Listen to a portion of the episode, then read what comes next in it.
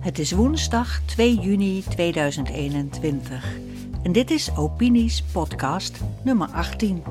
Het is hoog tijd om weer eens bij te praten over de stand van ons land. En dat doen we vandaag met uh, Asje, de hoofdredacteur, en met Hans van Tellingen.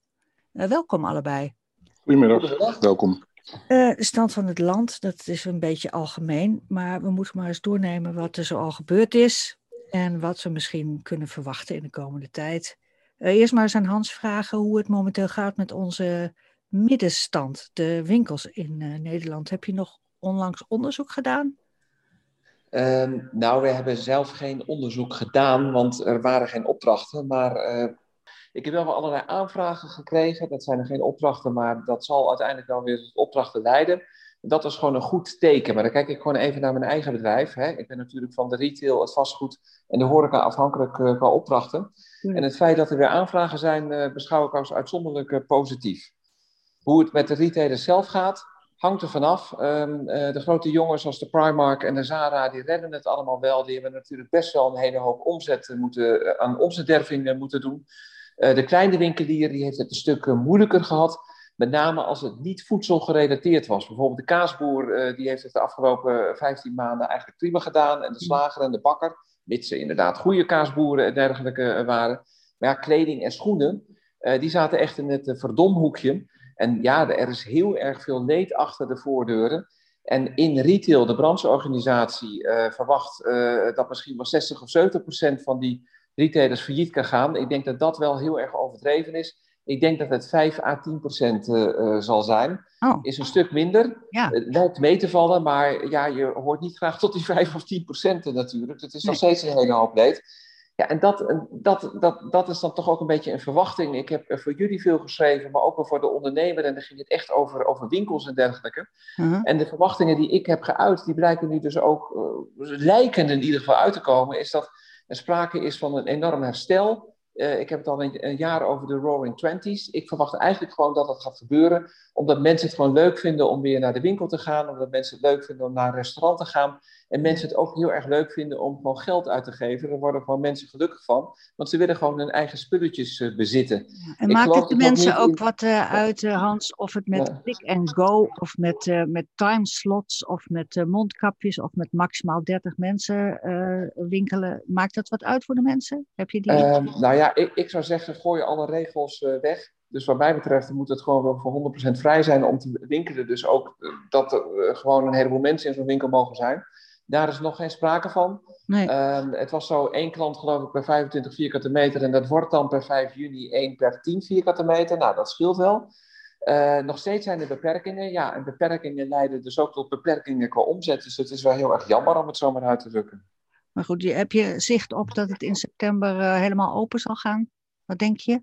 Ik verwacht het eigenlijk wel. Als zelfs uh, demissionair minister Hugo de Jonge die suggestie geeft, dan denk ik dat het kabinet ook inziet dat een eventuele derde lockdown er gewoon niet van kan komen, er gewoon niet van moet komen omdat dat gewoon een compleet uh, faillissement uh, uh, van het MKB, retail, horeca, evenementen, maar ook maatschappij en economie zal zijn. En als de economie kapot gaat, gaan ook de overheidsfinanciën kapot. En dan is er ook een geld voor, bijvoorbeeld voor de mm. gezondheidszorg.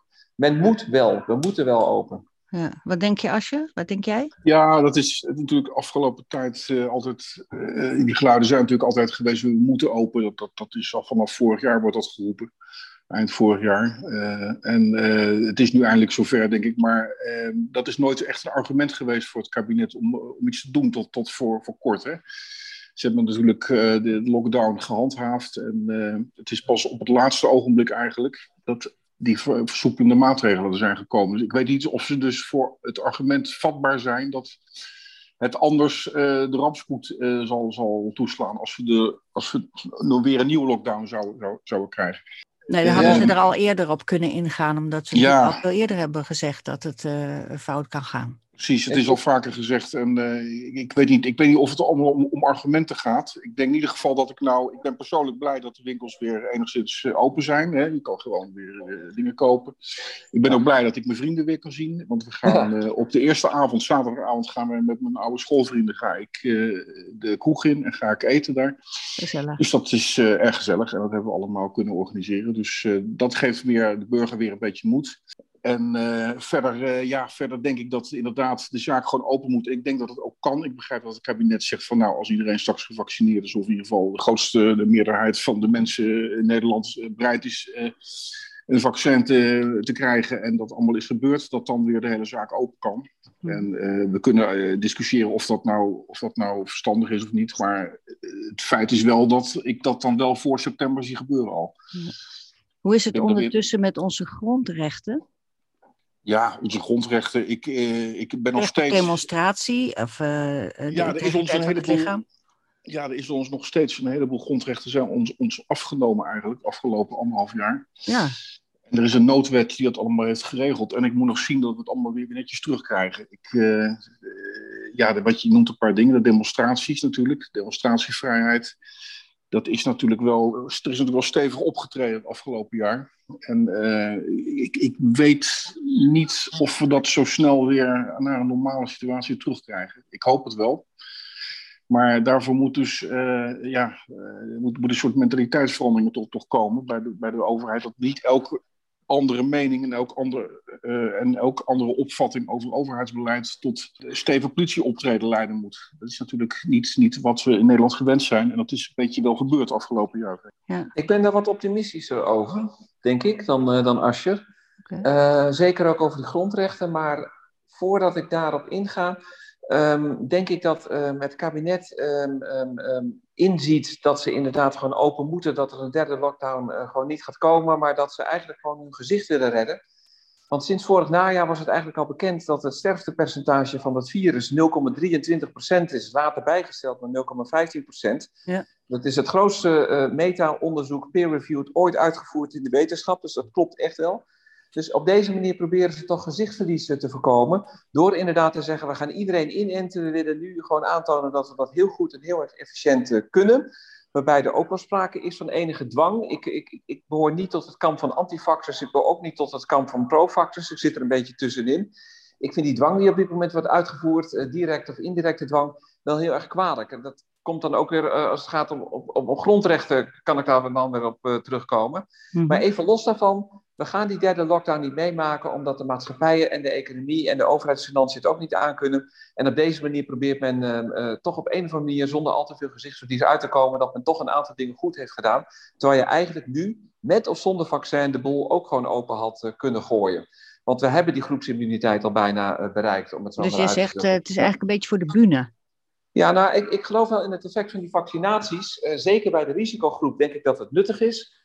Ik, ik, ben zelf 54, maar ik kom uit een groot gezin en uh, ik heb broers en zussen van uh, 70 plus. In hun geval zou ik me zeker laten vaccineren. Als iemand van 20 vaccineren, ik denk dat dat eigenlijk geen nut heeft. Want um, iemand van 20 die wordt gewoon niet of nauwelijks ziek van het virus, is er eigenlijk al beschermd voor.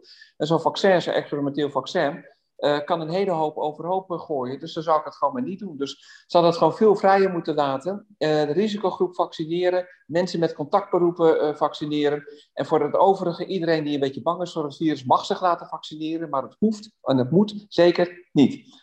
Nee, nee. Dat dus. Het heeft wel enig effect gehad, waarschijnlijk in de Verenigd Koninkrijk en Israël. Daar zie je dat het scherp naar beneden is gegaan. Terwijl in andere landen het virus nog, nog heel actief was, in ieder geval veel actiever. Dus het heeft wel enig effect, maar het heeft eigenlijk geen effect als je de mensen die het uh, vaccin niet nodig hebben, als je die ook gaat vaccineren. Maar dat probeert men nu wel en volgens mij is het puur gezichtsverlies. Het is niet zozeer een complot, uh, niet zozeer een WEF-gedachte of een Great Reset-gedachte of Build Back Better-gedachte. Iedereen moet gevaccineerd worden. Nee, het is meer zoiets zo van, wij willen op deze manier tonen dat wij een heel goed functionerende overheid zijn. Hmm. Nou, en ik heb daar wel een iets andere mening over. Ik denk dat het heel anders had gekund. Ja, ik denk, ik ben zelf een beetje pragmatischer in de zin van, uh, kijk, als we nu zien dat die cijfers, de, de indicatoren, zoals de, het aantal IC-opnames, het aantal ziekenhuisopnames en zo, dat dat allemaal flink daalt sinds een paar maanden. Ja. En ik zie toch wel een parallel, in ieder geval een relatie met, uh, met, met, met de vaccinatiegraad. Dus uh, ik, ik, ik weet niet of het zo is dat we kunnen zeggen van ja, zonder vaccinatie was het ook wel gebeurd. Daar heb ik zelf twijfels over. Uh, ik ja, kijk en, de cijfers en ik zie ze gewoon. Ja. Ja. Ik ben er niet op tegen, maar als je kijkt naar de cijfers van vorig jaar, eh, waren er op dit moment, begin juni, waren er iets van tussen de 150 en 170 mensen op de IC. En op dit moment zijn het er 470, eh, dat was gisteren in ieder geval. Ehm, met andere woorden, we hebben nu meer mensen op de IC dan vorig jaar.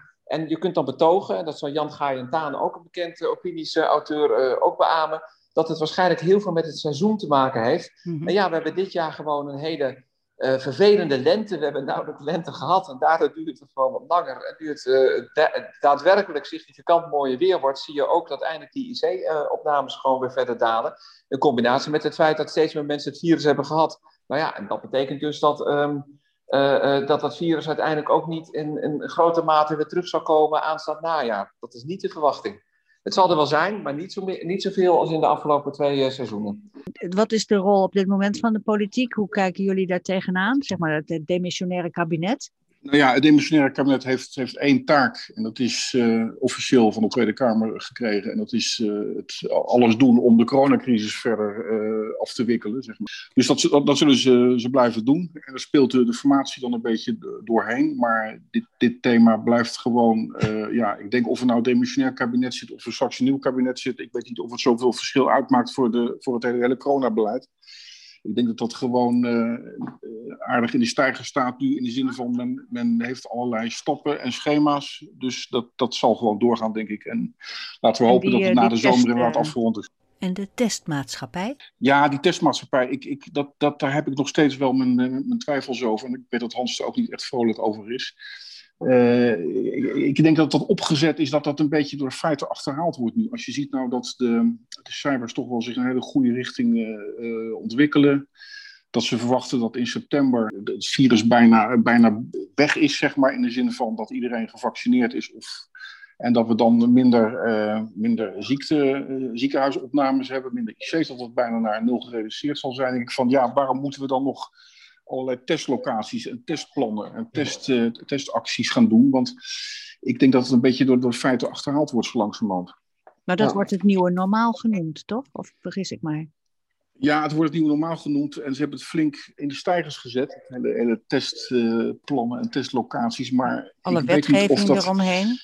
Ja, alle wetgeving eromheen, maar het is ook een heel gedoe voor mensen. Het, gaat, uh, het, het, het, houdt de hele zaak op. Je gaat een soort bureaucratie krijg je om bij te houden wie er al niet allemaal getest zijn. Je krijgt een hele testindustrie die gaat komen als dat allemaal zo, zo vorm krijgt. Uh, dus ik, ik heb zo'n gevoel, puur intuïtief, dat dat, dat dat zo vaart niet zal lopen. En dat dat weer langzaam een uh, soort uh, ja, voor, voortijdige dood sterft.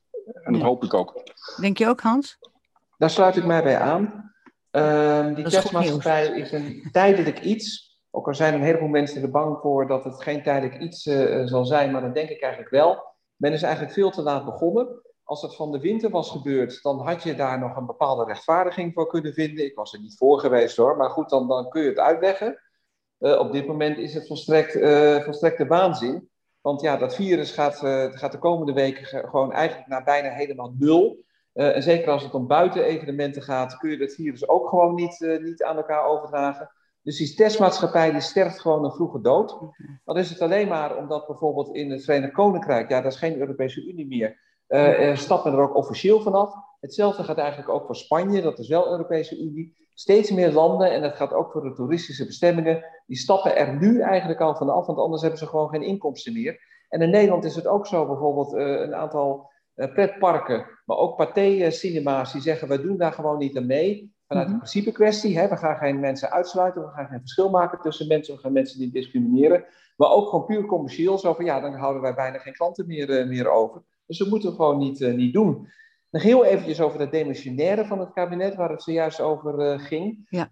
Um, ja, ik denk dat het kabinet ook op dit onderwerp nog veel te veel een, een echt kabinet probeert te zijn.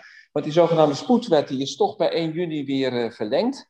Een beetje, dus een beetje door de mazen van de pers heen geslipt, maar die is gewoon weer verlengd. Nou, de spoedwet is bijzonder ingrijpend als het gaat om de grondrechten. Ik vind het een demissionair kabinet dat gewoon niet kan doen.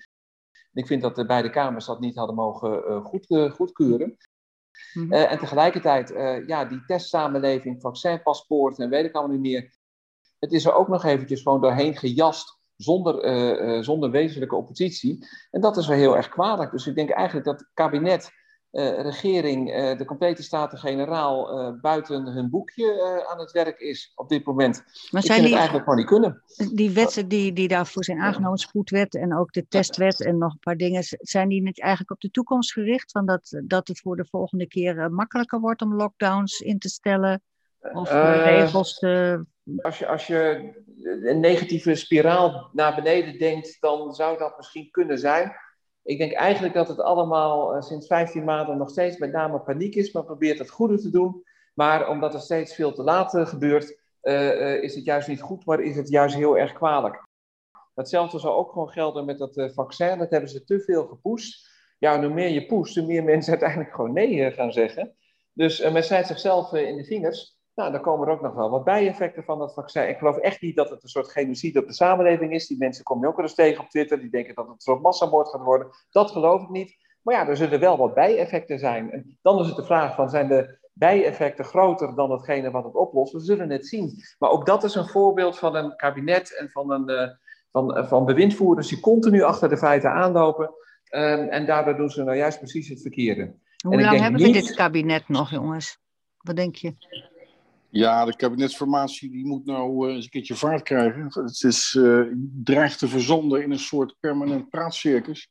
Ja. Ik, ik, ik hoop dus dat ze inderdaad nou eindelijk eens een keer zaken gaan doen. Maar ik zie allerlei ongewenste ontwikkelingen. Eerste plaats, uh, ja, we kunnen even terugkijken. We zien dat de informateur Cenk Willink is benoemd van PvdA-huizen. Daarna is mevrouw Hamer aangetreden, ook van PvdA-huizen. Ik, ik denk dat dat geen toeval is, dat het hele bewuste keuzes zijn. En dan vind ik het toch raar als we de verkiezingsuitslag zien en we zien dat GroenLinks en PvdA verloren hebben en eh, nou ja, gemarginaliseerd zijn, dat heel links gemarginaliseerd is, dat we nou toch uiteindelijk steeds PvdA en GroenLinks in de, in een soort sleutelpositie zien voor, voor het nieuwe kabinet. Ik vind dat een hele rare zaak en een uh, eigenlijk ongewenste zaak ook. Ja. Dat, dat twee verliezende partijen nou uh, de belangrijke rol krijgen toebedeeld. En uh, ja, ik, ik, weet ook niet of, of dit nou het streven van Rutte ook zo was dat hij, uh, dat hij doelbewust uh, ze voor het blok zet. Van, uh, ja, want kijk, eigenlijk is er ook verzet in de VVD tegen, tegen te veel linkse invloed. In het CDA gisteren ook. Hoekstra heeft er ook opmerkingen over gemaakt. Dus waar zijn we nou allemaal mee bezig? Dat gevoel krijg ik een beetje. Dat een soort, ja, een soort P van de A GroenLinks show opgevoerd wordt nu om ze maar binnen te halen. Maar dat eigenlijk dat nog helemaal niet zo'n uitgemaakte zaak is. Dat het allemaal wel lukt. Het, het, gaat ook niet lukken, want GroenLinks en uh, Partij van de Arbeid die worden uiteindelijk gewoon op een zijspoor gerangeerd. Uh, dat verwacht ik eigenlijk wel. En eigenlijk is het meest logische dat de huidige coalitie gewoon wordt voortgezet. Uh, maar ChristenUnie zal pas willen aanhaken als alle andere opties niet, um, niet zullen werken. Zo redt Gert-Jan Seger zijn gezicht ook, want die wilde eigenlijk niet met Rutte. Maar ja, uiteindelijk voor een landsbelang gaat hij dat waarschijnlijk dan toch wel doen. Eigenlijk is mijn verwachting dat het demissionaire kabinet wordt voorgezet en dat het uiteindelijk uh, een formele status krijgt voor Rutte 4. Uh, her en der wat ministers uh, vervangen. Ik hoop stiekem dat in ieder geval de jongen dan weg moet. En dan denk ik dat het een muddling through wordt tot volgend jaar juni, juli. Dan is Rutte de langzittende premier in Nederland ooit. En dan zegt hij van jongens, daarbij, ik heb er de banen van, ik ga nu wat anders doen. Ik denk echt dat iemand zo ijdel is dat hij dat zo belangrijk vindt. Zeker ook zijn historische achtergrond. Dus ja, ik verwacht eigenlijk heel erg weinig veranderingen tot volgend jaar uh, uh, zomer. Tenzij, en ik hoop stiekem natuurlijk toch dat het uiteindelijk niet lukt, tenzij men zoveel ruzie krijgt dat er in het najaar alsnog besloten wordt tot nieuwe verkiezingen. En, ja, ja ik denk eigenlijk ook dat je gelijk hebt in de zin van dat uh, het huidige kabinet gewoon zal blijven zitten uiteindelijk. Dat, dat ze het niet eens worden met PvdA en GroenLinks. Dat, dat die ook met alle eisenpakketten natuurlijk zullen komen.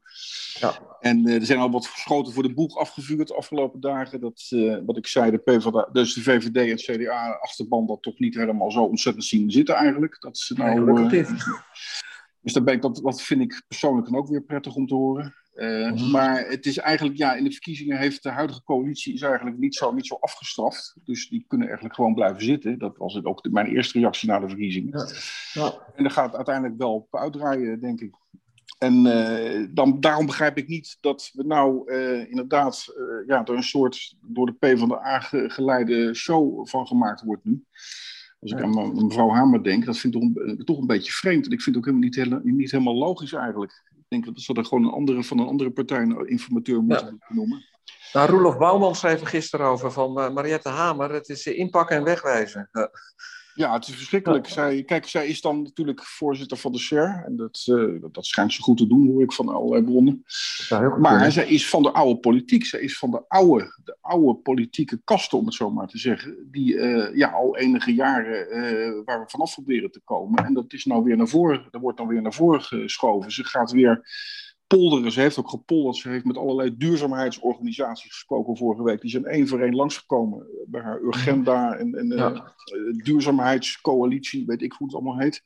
Ja. Dan denk ik van ja, dat, dat is weer de oude polderen. We gaan weer met allerlei belangenorganisaties praten. Daar heeft Freek van Beets gisteren ook nog uh, op opinie over geschreven.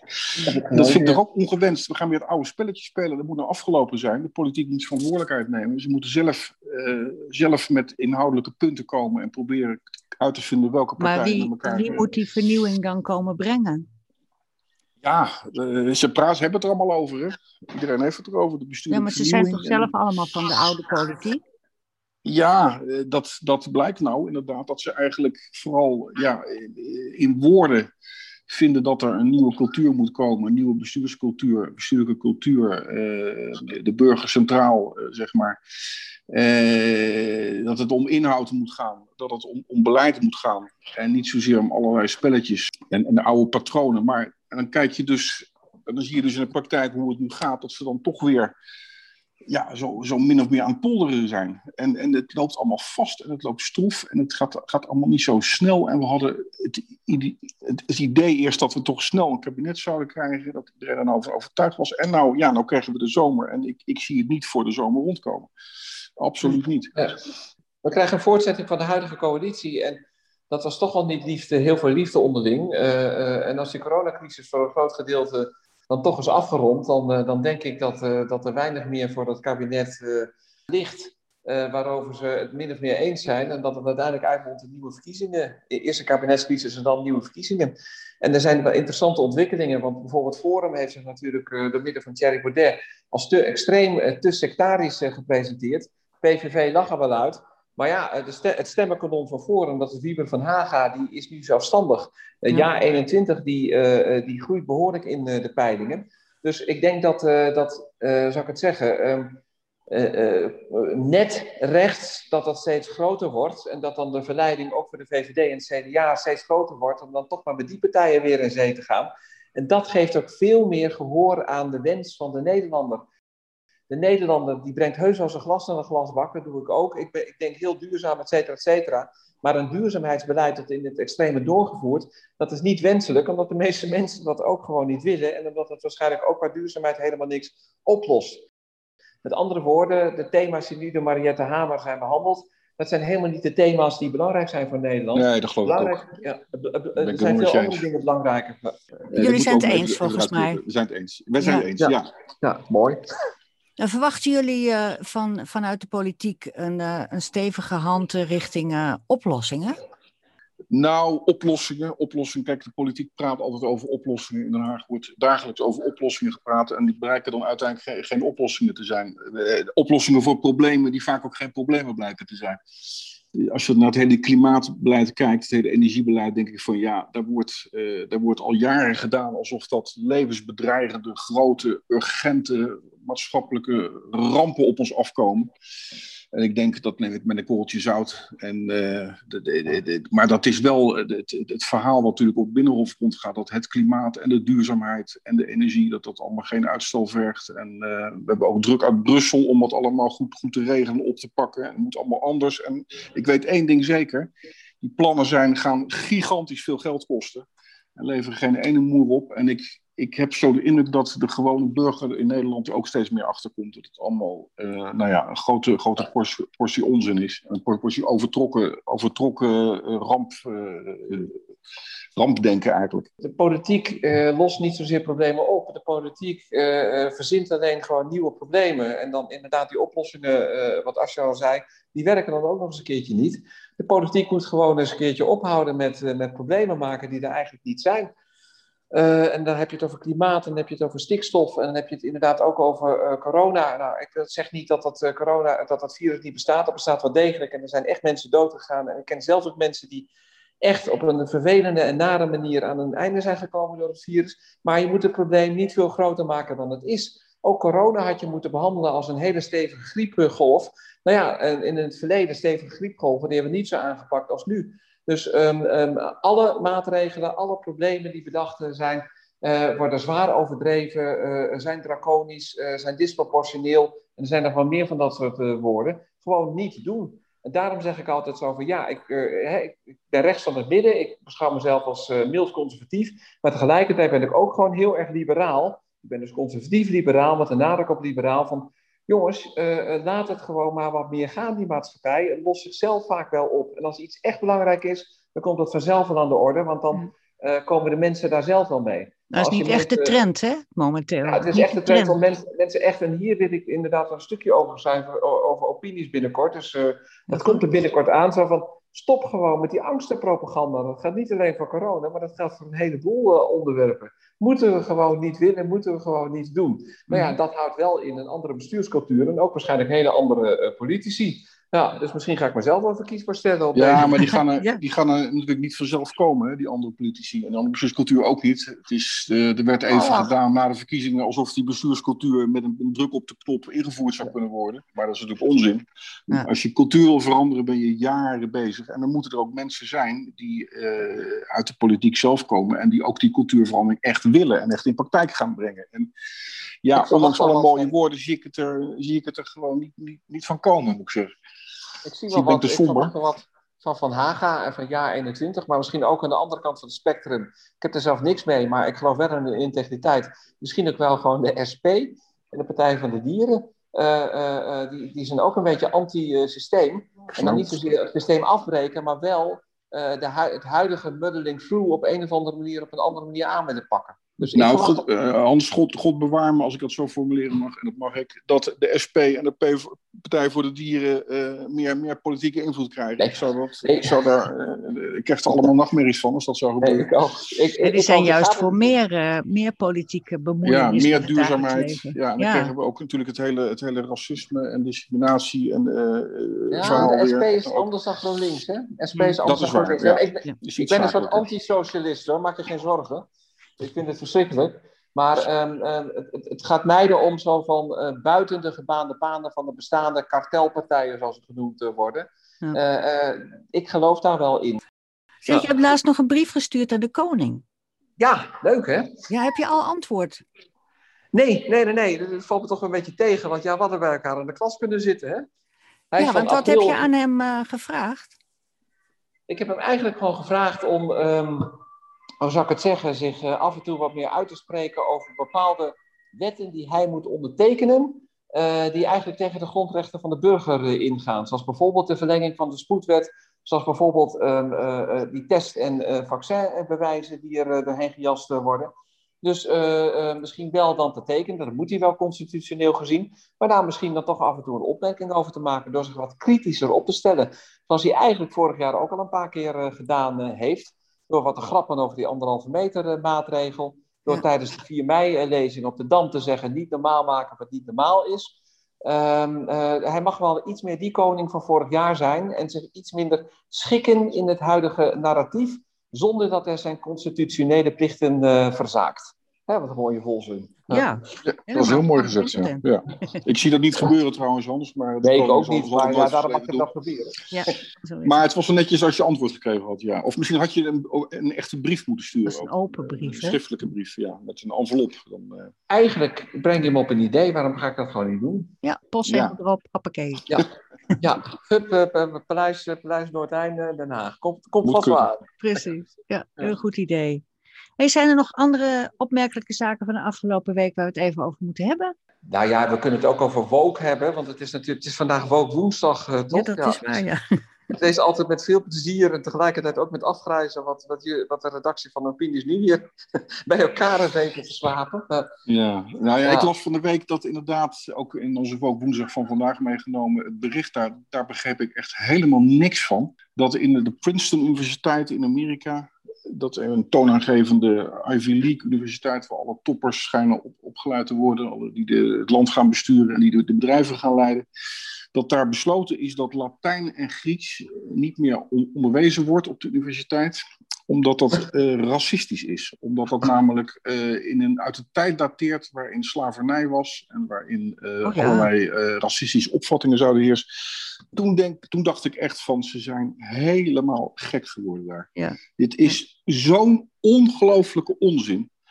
Ja. Dat je dus een, een, een klassieke talen gaat, gaat verbieden die, die nou ja, aan de basis van onze cultuur staan, die, waar, waar puur taalkundig allerlei andere talen uit voortgevloeid zijn, dat je die studie daarvoor gaat verbieden, omdat de mensen die taal spraken vroeger eh, blijkbaar racistische uh, of niet inclusieve denkbeelden hadden. Ja, dan dat zou je van, van het nou, Engels ook kunnen doen dan. Want, dan ja. ja. dat wou ik ook zeggen, ja. ja. Dan zou je ongeveer alle wereldtalen kunnen verbieden. Sowieso alle, alle talen. Arabisch. Uh, ja, alleen ja. oorkreten. Ja. En denk ik van, zijn ze nou echt helemaal... Dat zijn dan academici die dus echt een academische wereld... de academische vrijheid prediken en, en de, de, nieuwsgierigheid... en uh, de ruimte die je moet hebben als wetenschapper om dingen te onderzoeken... en de dialoog. Ja, dat lijkt wel dat voorbij. soort mensen zijn... Ja, ja, het lijkt alsof het afgelopen is. En ik schrik ja. daarvan. Want dit is, ik hoor uit, van mijn, eigen, uit mijn eigen kenniskring ook, dat in, op ook universiteiten in Nederland dit soort woke gedachten steeds meer toenemen. Het, wordt, het is vreselijk. Je kan haast niks meer zeggen en doen of dat je alweer een procedure aan, aan je broek hebt. Ja. Maar uiteindelijk eet elke revolutie zijn eigen kinderen op. Dat gaat ook voor de woke revolutie. Laat ik het hopen, ja. Ja, dus er komt ook wel weer een tegenbeweging. Laten we dat inderdaad hopen. Maar ja, het, is, het, het, het, het, het, grappige is, we leven in de tijd van omkering, uh, denk ik wel. Wat vroeger links was, dat is tegenwoordig rechts. Hè? Want ja. links vroeger was zo van, je mag mensen niet uitsluiten. Maar wat links nu doet, is juist mensen uitsluiten. Want dat zijn mensen zoals Ascher en ik. Want als jij uh, een man bent van 50 plus, je valt ook nog eens een keertje op, uh, op vrouwen, dan word je per definitie gekenmerkt als... Ja, dan ben je helemaal fout. Ja, ja, ja. Tot een soort onmens. Ja. Uh, dat kan dus niet. Dus ja, links is rechts geworden en rechts is links. Rechts komt nu steeds vaker op. De PVV is daar natuurlijk ook al mee begonnen, juist voor de arbeider. Uh, uh, terwijl ja. de arbeider inderdaad geen Partij van de Arbeid en GroenLinks meer stemt, want dat zijn hele nare elitaire partijtjes geworden. Ja. We leven in een tijd van omkering. Wat vroeger goed was, wat is nu fout. Wat vroeger fout was, wat is nu goed. Wat links is, dat wat rechts en andersom. En zo zijn er wel meer omkeringen te bedenken. Het is een hele ja, maar het is wel zo dat het hele woke gebeuren, dat dat natuurlijk ook, ook van de laatste vijf, zes jaar is zo. Dat is alleen maar, dat was daarvoor veel minder. En dat het ah. erg is nou dat ik dat nou in de partijen als GroenLinks en D66 en uh, Partij voor de Dieren en zo ook, ook, ook, die zitten allemaal in dat hele woke-stroom zitten die. En die gaan ja. al die denkbeelden ook ja. overnemen. En die gaan het ook ventileren. Je ziet het ook bij, bij Sylvana Simons met uh, alle, alle, alle racisme-aanvallen en, en de stereotypen die, die ze brengt. En dat vind ik het griezelige, dat het ook in de, in de politiek en in het landsbestuur doordringt. En, ja, uh, dat mensen daarin meegaan, dat is eigenlijk griezelig. Ja. Hè? En, ja. en dat je zou er eigenlijk een pleidooi voor het gezonde verstand. Laten we nou eens ophouden met al die stereotypen en al die, uh, al die bedreigingen en angsten die iedereen ziet. En denken dat ja. je door woorden te veranderen en door dingen te verbieden, dat je dan een betere maatschappij krijgt. Ik vind het, ik vind het heel gevaarlijk. Ja. Nou ja, het is, het is zoals de Taliban met die Boeddha-beelden in Afghanistan. Als je je verleden wil wissen, dan, dan wist je eigenlijk uh, ook gewoon jezelf. En dat moet je uiteindelijk gewoon niet willen. Dus dat bedoel ik ook met de revolutie, eet zijn eigen kinderen op. Op een gegeven moment wordt men zo extreem, dat ook mensen binnen de eigen groep die niet extreem genoeg zijn, buiten de boot vallen. Nou, dan op een gegeven moment hou je zo'n uh, sectarisch geheel over dat, dat het gewoon ja. uiteindelijk van, van zichzelf uh, vervalt, om het zo maar uit te drukken. Ook hier ben ik optimistisch over, maar het wordt eerst iets, ietsje erger nog voordat het uh, beter wordt. Als maar een aantal mensen gewoon het gezonde verstand blijven gebruiken, mm -hmm. dan heb ik ook wel goede hoop. Ja, maar blijf je uitspreken. Kijk, Precies, hetzelfde, gaat natuurlijk, ja, hetzelfde gaat natuurlijk ook, dat is dan nog een ander onderwerp, want iedereen heeft het dan, ik, ik had er eerder Laatste over onderwerp hoor. Wat zeg je? Laatste onderwerp. Oh, over de Great Reset en zo. Ik ben er helemaal niet, helemaal niet bang voor. wat wij gewoon moeten, en dan kom ik toch echt bij, terug bij mijn eigen specialisme, retail en consumentengedrag. Als wij als consument gewoon zeggen dat wij het gewoon leuk vinden om onze spulletjes te kopen, als wij het leuk vinden om op het terras te zitten en iets te nuttigen, mhm. uh, dan vallen al die plannen die er zijn bij uh, wereldvreemde uh, leiders, als bijvoorbeeld die Klaus Schwab, die vervallen uiteindelijk gewoon in het niets. Die gaan gewoon niet gebeuren. Want die deeleconomie, die komt er gewoon niet van. We gaan geen dingen delen, we gaan gewoon dingen kopen, want dat is datgene wat ons als mens gelukkig maakt.